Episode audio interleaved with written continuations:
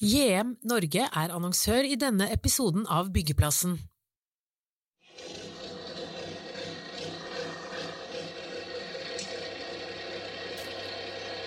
EUs taksonomi, hva i all verden er det, og hva betyr det for byggenæringen?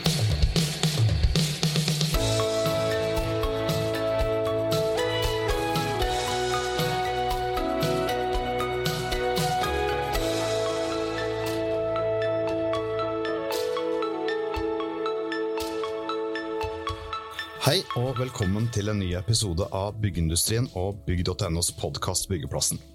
Jeg heter Kristian Aarhus, og med meg i studio som programleder har jeg som vanlig Frode Aga. Ja, av og til så dukker det opp noen nye ord i denne næringen som det tar tid å få bakt inn i det naturlige ordforrådet. I det siste så har taksonomi vært ett av de ordene for meg. Jeg og mange med meg har behov for å vite mer om hva det er, hvordan det vil påvirke byggenæringen, og når ting begynner å skje.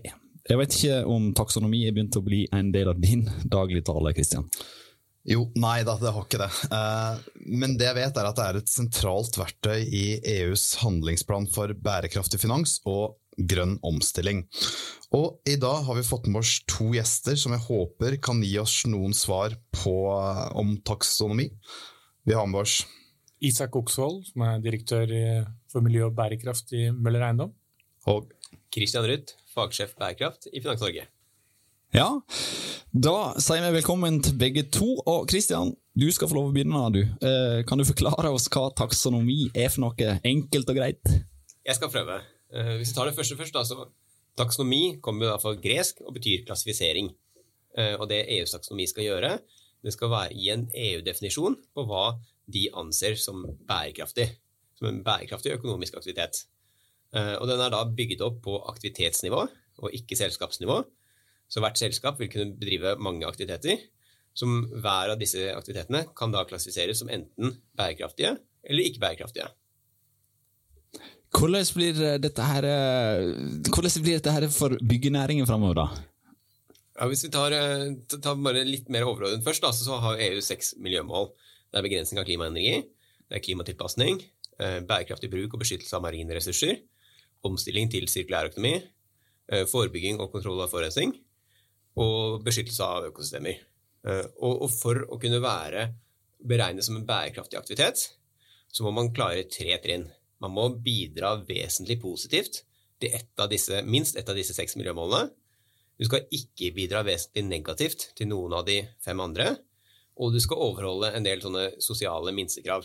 Hvis du klarer alle de tre tingene, så vil din aktivitet kunne eh, klassifiseres som bærekraftig. Og alle de seks eh, punktene du lister opp der, det er jo veldig relevant for byggenæringen. Veldig. Veldig. Isak eh, Oksvold, du jobber i, i Møller Eiendom. Eh, hvordan er taksonomi for dere, da? Nei, Vi har jo begynt å se på dette, her, for vi ser at det kommer eh, dette som en regulering fra, fra EU, som på et eller annet vis kommer til å påvirke oss i Norge. Og, og det, vi, det vi har begynt å gjøre, er å se på de tekniske kriteriene da, som, ble, som, som, som, ligger til grunn for hva en bærekraftig aktivitet er. Så vi har begynt å kartlegge hva er det, hva er det EU definerer som bærekraftig. Og det, det er jo en interessant eh, øvelse i seg selv. Og så har vi begynt å se på, på hvordan, ser våre aktiviteter, hvordan ser våre aktiviteter, våre bygninger ut i forhold til det perspektivet. Og begynt å se liksom, konturen av eh, ja, hva slags løft er det vi trenger å gjøre for å bli mer bærekraftig som eiendomsvirksomhet. Ja. Jeg kan bare spørre eh, Finans Norge her, finnes det noen sånn eh, lista over hva er eh, dette er de kravene du må tilfredsstille for å være innafor? Ja, det gjør det. Eh, I hvert fall for de to første miljømålene, begrensning av klimaendringer og klimatilpasninger. For her er de tekniske screeningkriteriene de er ferdig laget. De vil tre i kraft i EU 1.1.2022. Eh, For de fire neste miljømålene så sitter man nå og lager kriterier. Eh, De forventes at de blir bestemt sånn Q1 neste år, og at de vil tre i kraft 1.1.2023 i EU. Men når vil det gjelde i Norge? Eh, Det er et veldig godt spørsmål. Det er det alle lurer på! Men, men norsk implementering den er gitt av stortingsbehandling. Eh, og det er kommet en stortingsproposisjon som ble fremmet før, før sommeren. og Den skal nå til behandling i Stortinget. Eh, vi har fått signaler om at det skulle skje i høst. Eh, nå begynner høsten å hva skal si, lakke, mot, lakke sent mot høst og begynne å gå med vinter. Men vi håper jo virkelig at dette her blir behandlet i Stortinget før årsskiftet. Og det har noen ønsker og krav til norske myndigheter. Jeg vet at det har gått et brev med bl.a. andre Finans Norge som avsender. Hva er det de vil at norske myndigheter skal gjøre? Det som er viktig, er jo at dette klassifiseringssystemet det klassifiserer jo bl.a. bygg og mange andre aktiviteter eh, som bærekraftig, eller sånn at det ikke faller innenfor denne EU-definisjonen av bærekraftig. Og Derfor er det veldig viktig at eh, norske aktiviteter også kan klassifiseres i henhold til dette systemet. Dette systemet det refererer til en del EU-definisjoner og EU-regelverk som man ikke har i Norge. Og Her må man gjøre seg avklaringer. Eh, for Hvis man ikke får gjort avklaring her, så er man i fare for at uh, norske aktiviteter, en del norske aktiviteter ikke kan klassifiseres som bærekraftige kun fordi vi ikke har de riktige definisjonene eller regelverkene i, i, implementert i Norge. Og Hva kan skje hvis det ikke blir klassifisert som bærekraftig? Det er jo ingen som vet hvilken uh, effekt taksonomi, denne taksonomien vil få. Men den er jo laget uh, Det er jo EUs handlingsplan for bærekraftig finans. Den har jo en del målsetninger, bl.a. det at kapitalen skal vris mot mer bærekraftige investeringer. Så deres hypotese er jo at når man får en ensartet definisjon på hva som er bærekraftig, og man får god uh, og transparent informasjon om hva som er bærekraftig, så vil kapitalen vris i mer bærekraftig retning. Uh, og hvis man kjøper den hypotesen, uh, så vil det jo kunne ha finansieringsimplikasjoner, det at man ikke er bærekraftig kontra bærekraftig. Så det kan bety at du ikke får finansiering til prosjekter som blir regna som ikke bærekraftig? Det kan enten bety at du ikke får finansiering, eller at du får dyrere finansiering. For det, det er også veldig viktig å påpeke at denne taksonomien den legger ingen føringer for hva du skal finansiere eller ikke. Den legger kun føringer for at man skal være åpen om sine aktiviteter, og så skal kapitalmarkedene selv bestemme hva man finansierer, og til hvilken pris. Men disse kravene som dere snakka om, som vi ikke har helt de samme i EU og i Norge, og definisjonene, hva går det på? Eh, det norske energimerket er f.eks. Mm, regnet ut på en litt annen måte i Norge enn i mange andre land. Eh, og så er det en, en eh, referanse til noe som kalles Nearly, Nearly Zero Energy Buildings, eller NSEB, som er en definisjon man har i alle andre EU-land, bortsett fra Norge. Og når et nytt bygg skal ha 10% lavere energiforbruk enn NSEB, så er det veldig vanskelig for norske aktører å vite hva er dette, i og med at vi ikke har den definisjonen i Norge. Isak, du hadde fingeren oppe her i stad, jeg vet ikke om du mista poenget, men i hvert fall, eh, hva var det du hadde på hjertet? Nei, Det jeg hadde på hjertet, er jo det at eh, det er jo riktig som ble sagt der, at denne taksonomien gjør jo på en måte ikke noe til eller fra. Det er jo rent klassifiseringssystem for aktiviteter. Litt av grunnen til at vi har blitt eh, oppmerksomme på, på, dette her, og interessert i hva er det som skjer nå i Europa på, på dette med bærekraftig finans, er jo det at i vår dialog med bankene så ser vi at bankene er opptatt av, av, grønne lån, f.eks. Det er de bærekraftige lån. Og jo, Bankene gir jo liksom litt rabatt på dette her, og det er noen litt mer gunstige vilkår. Så det vi, det vi, det vi ser jo at EU-kommisjonen første rekke gjør, er på en måte å si at eh, nå skal, en, nå skal vi lage en definisjon på hva et grønt lån skal være i prinsippet. For det har vært et problem litt i markedet at det er så mange ulike definisjoner på hva som er bærekraftig og grønt. Det er ulike merkeordninger, bankene kan finne litt opp selv hva de mener er grønt. Vi som eiendomsselskap kan si liksom, dette mener vi er grønt. Så det er, liksom, det er så mange varianter av, av, bærekraftig eller grønt der ute som kan danne grunnlag for grønt lån. Så det, som, det vi ser at EU gjør, er egentlig bare å harmonisere en standard for hva, hva er det som er grønt eller bærekraftig, og så er liksom det bunnplanken. Og så, så tror jo vi at det, vi ser jo at det er lagt ned et kjempestort arbeid fra EU-kommisjonen sin side på å liksom skape denne felles plattformen for å, felles definisjoner. Og det vil jo være pussig hvis man tenker at man skal stoppe der. Så Det vi ser på som en sånn bærekraftsrisiko oppi dette, her, er jo det at det, det kommer noen insentiver eller noen krav på finansnæringen for hvordan de skal kanalisere sine, sin kapital inn i prosjekter. Og Det kan jo gjøre at eh, det får konsekvenser for f.eks. låneutmåling eller rentenivå, eller eh, hvor mye høy belåningsgrad vi kan få på eiendelen i fremtiden. Men dette her er jo veldig usikkert. ikke sant? Vi vet jo ikke hvordan man har tenkt å tilnærme seg dette. her sånn. Så det er eh, Mange spørsmål. Det er mange spørsmål, Men liksom, hvis du ser på hva målene til EU er, da, det er jo en, en vesentlig eh, kapitalinnsprøytning i bærekraftige aktiviteter. Det er egentlig det de sier at de skal gjøre. Så på en eller annen måte så må de jo gjøre dette her. Så noen konsekvens kommer den nok til å få, men liksom det å tallfeste det og si konkret hva det er, er kjempevanskelig. Kristian, du hadde en kommentar?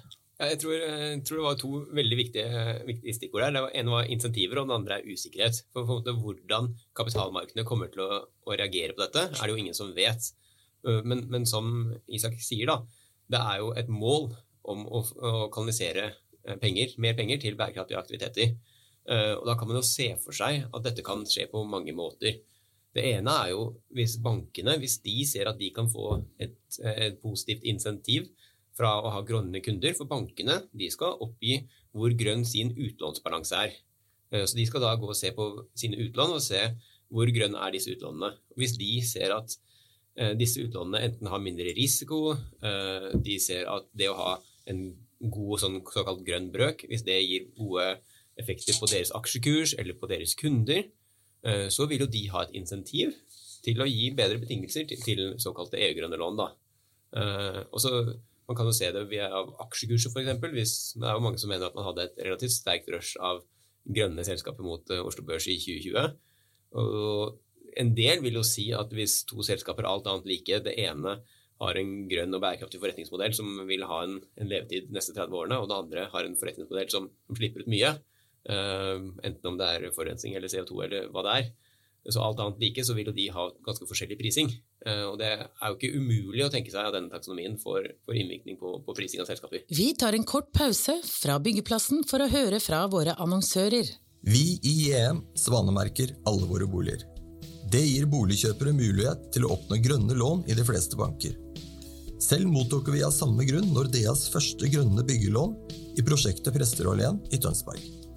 Margrethe, som tidligere i år flyttet inn i sin nye svanemarkede hjemmeleilighet på Myhrvold i Nordre Follo, sier Inneklimaet er blitt mye bedre enn det var i den leiligheten jeg bodde i før. Luften sirkulerer, og jeg føler at leiligheten er trygg for min helse fordi det er blitt benyttet miljøvennlige materialer. JMs løfte til sine kunder er bedre livskvalitet. Og da er vi tilbake på byggeplassen. Men usikker, du snakker om usikkerhet, og 1.1.2022 er under to måneder til. Bør ikke den usikkerheten ryddes av igjen ganske kjapt?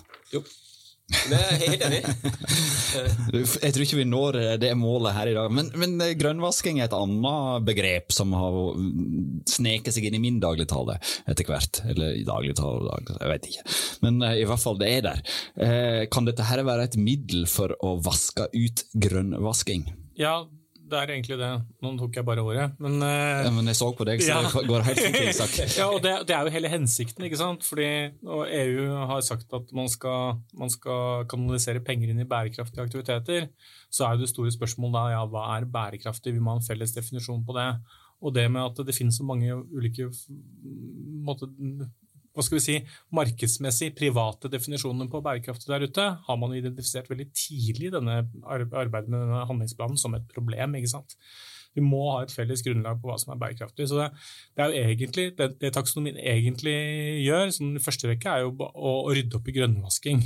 Det må være den, den, enkle, den enkle, forklaringen. Mm. En felles definisjon på hva som er grønt eller bærekraftig. Så kommer jo liksom alt hvordan det skal anvendes, og hva slags eventuelle insentiver eller krav som kommer knyttet til den etterpå ved annen lovgivning, det blir jo liksom neste steg. Og det er jo der liksom mye av usikkerheten ligger. Jeg tror også Det som er veldig viktig, er at når man da får en felles definisjon, så muliggjør det også at man har eh, harmonisert rapportering. For, for hvis jeg og du og naboen vår har en samme definisjon av hva som er grønt, så kan disse tre bedriftene også rapportere hvor grønn er man i, henhold til denne definisjonen. Så da får man en, en, en definisjon som blir brukt eh, av alle. Men i Norge så har vi gode ordninger, eh, eller i Europa òg. Dream eh, er jo et sertifiseringsverktøy som blir brukt av veldig mange.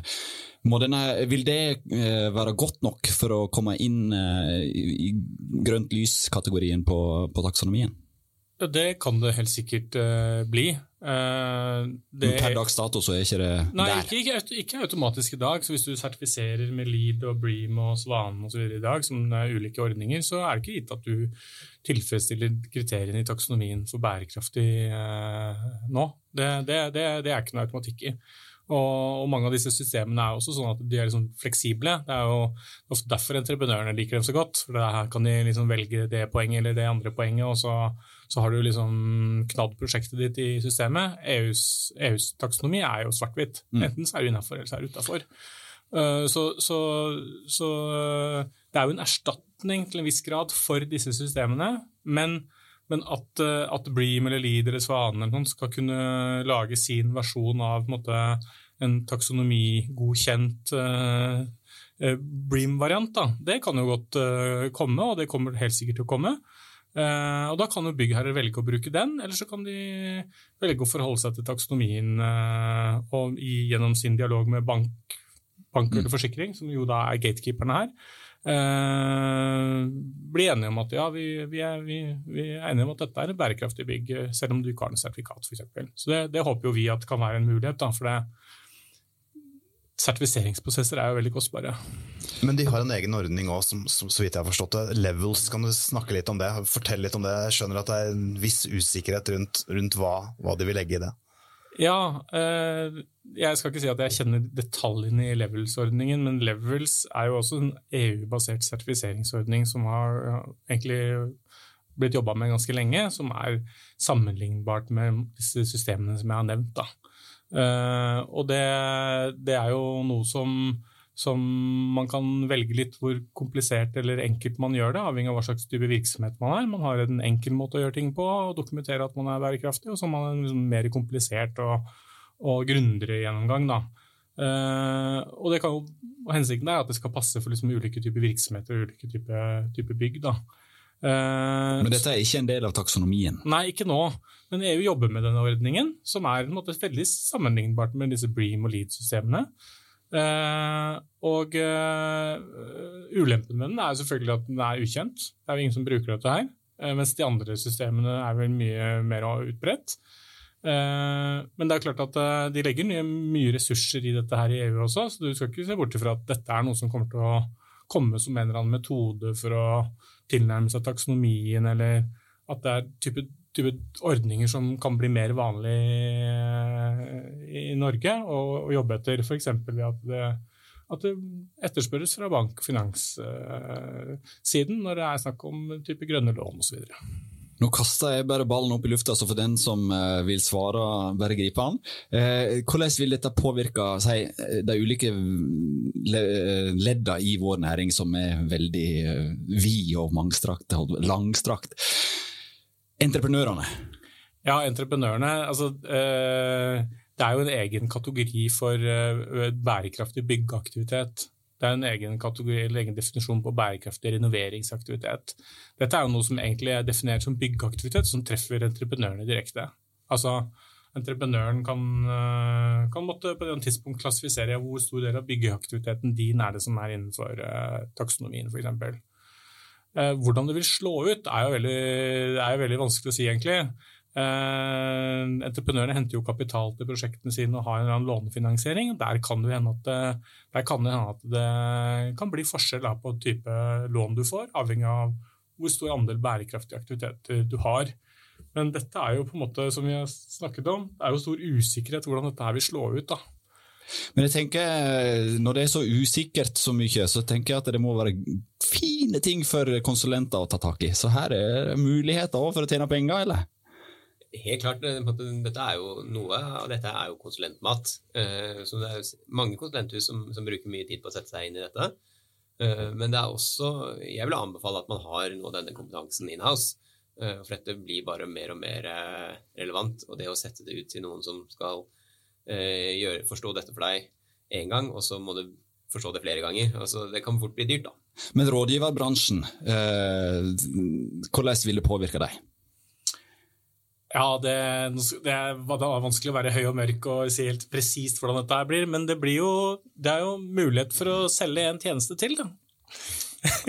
det, er jo, det, er jo, naturlig å tenke seg at uh, her kan du få en vurdering av uh, din eiendom eller din portefølje i lys av de tekniske kriteriene så tror jeg det blir en del etterspørsel etter hvordan man fortolker de tekniske kriteriene. For det er heller ikke helt sånn når man begynner å gå i grøten på det.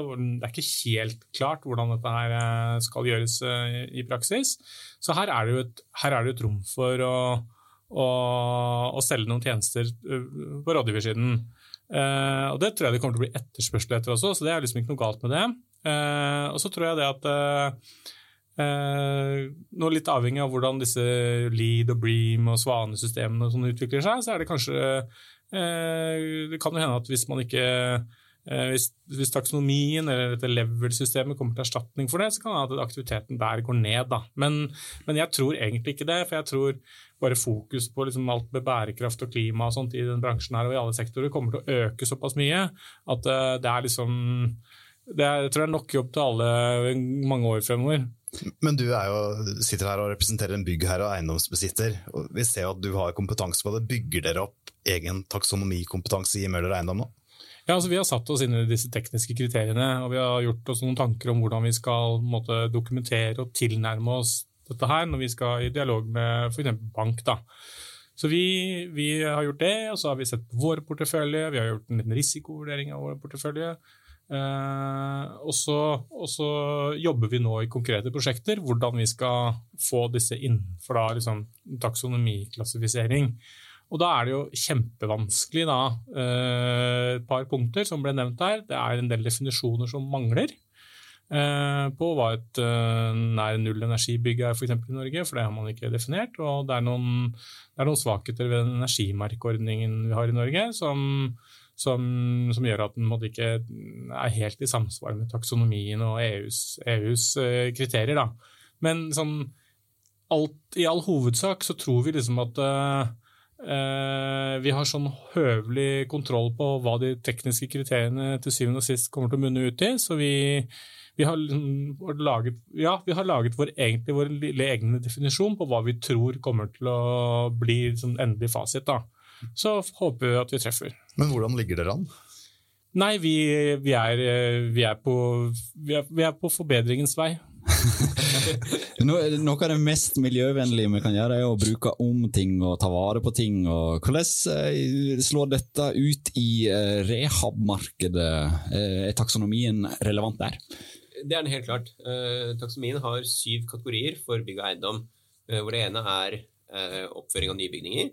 Og så er det renovasjon av bygninger. Og så er det én kategori for kjøp og salg. Eller kjøp og eierskap. Og så er det fire kategorier for installasjon og reparasjon og vedlikehold av diverse tekniske utstyr.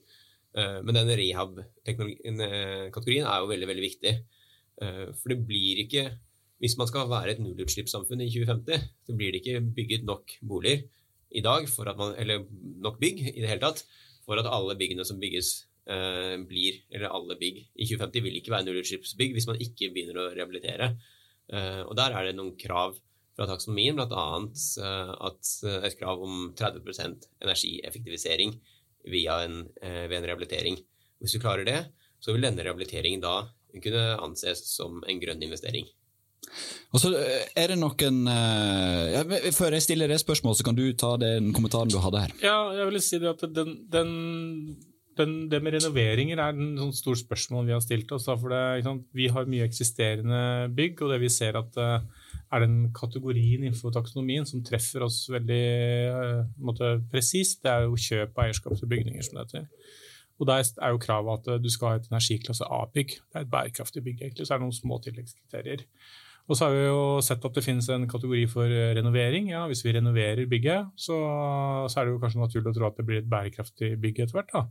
Men når vi har studert uh, reglene sånn som de ser ut nå, så ser vi egentlig det at det, er selve renoveringsjobben, altså selve investeringen i renoveringen, som kan sies å være bærekraftig, men ikke bygget i seg selv. Uh, og da er, reduserer du jo f.eks. våre muligheter for å hente bærekraftig eller grønn finansiering på rehabiliterte bygg som da ikke har nådd energiklasse A, f.eks. Mm. Og dette her er jo liksom sånn et stort paradoks i hele taksonomien, egentlig, som, jeg, som, gjør at jeg tror at her kommer det til å komme noen endringer. så at De kriteriene vi sitter på i dag, det kommer ikke til å være fasiten om noen år, fordi det slår veldig negativt ut for vernede bygninger. Har du et gammelt, vernet hus, som har et dårlig energimerke, så får du ikke det opp til et A-bygg, som er da definisjonen på bærekraftig. Eh, og så er det litt sånn rart da, at eh, taksonomien, da, eller hele dette systemet, gir oss jo insentiver til å løfte på en måte, de bygningene som er på energiklasse C eller B, opp til en A. Mens uh, det er vel ikke akkurat der hvor de, liksom, de mest kostnadseffektive miljøfruktene for samfunnet ligger. Det ville vært å, å ta tak i det som var dårlig, og gjort det ganske mye bedre. Mm. Så, så, det er liksom Ingen systemer er perfekte, da. men jeg tror liksom dette her med perspektivet på renovering, og hvordan man da klassifiserer en eiendel etter en gjennomført bærekraftig renovering, det er et stort spørsmål. Og og jeg har ikke svaret, men jeg bare ser at her er det, her er det noe upløyd mark som det helt sikkert kommer til å bli jobba mye med fremover. Kristian hadde hånda i været, og da har du svaret. Jeg har ikke svaret, men jeg mener at det er et kjempegodt poeng. Eh, og det var jo faktisk noe vi i Finans Norge spilte inn til kommisjonen også, i sine høringsrunder, er at det blir et veldig kunstig skille hvis man skiller mellom rehabiliteringen, den, den investeringen, og selve bygget.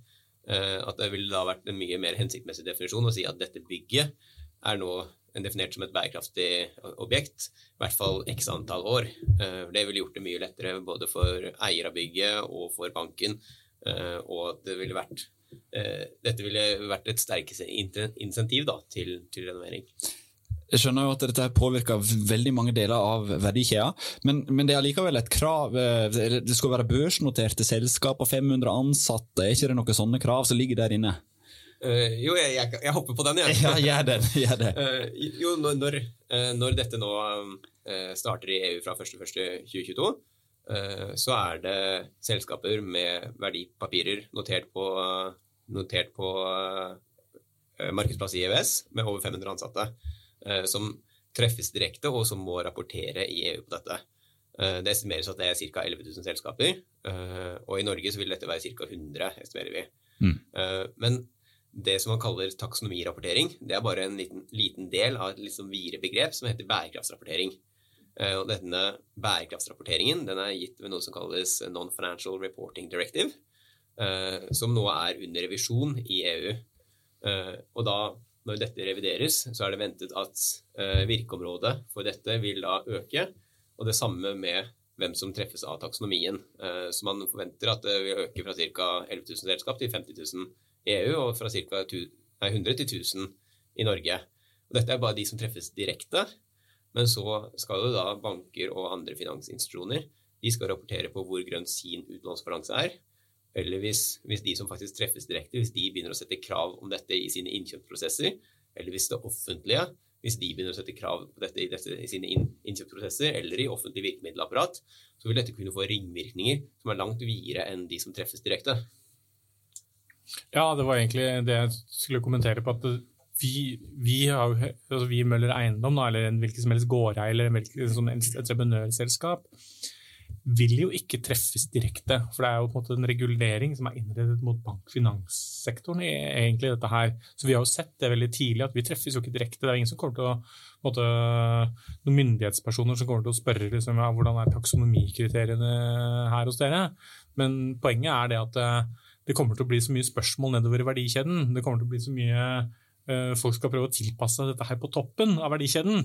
Og da, da renner det, det, det trickler down på, på oss her, her nede som, som, jobber med konkrete prosjekter. Det er jo egentlig det som, det er, det som skal skje, eller kommer til å skje. Da. Men kan finansinstitusjonene velge å se bort fra taksonomien? Eh, finansinstitusjonene de blir da pliktet til å rapportere på taksonomien mm. på sine utlån eller sine investeringer. Eh, og så vil det komme en del finansielle merkeordninger.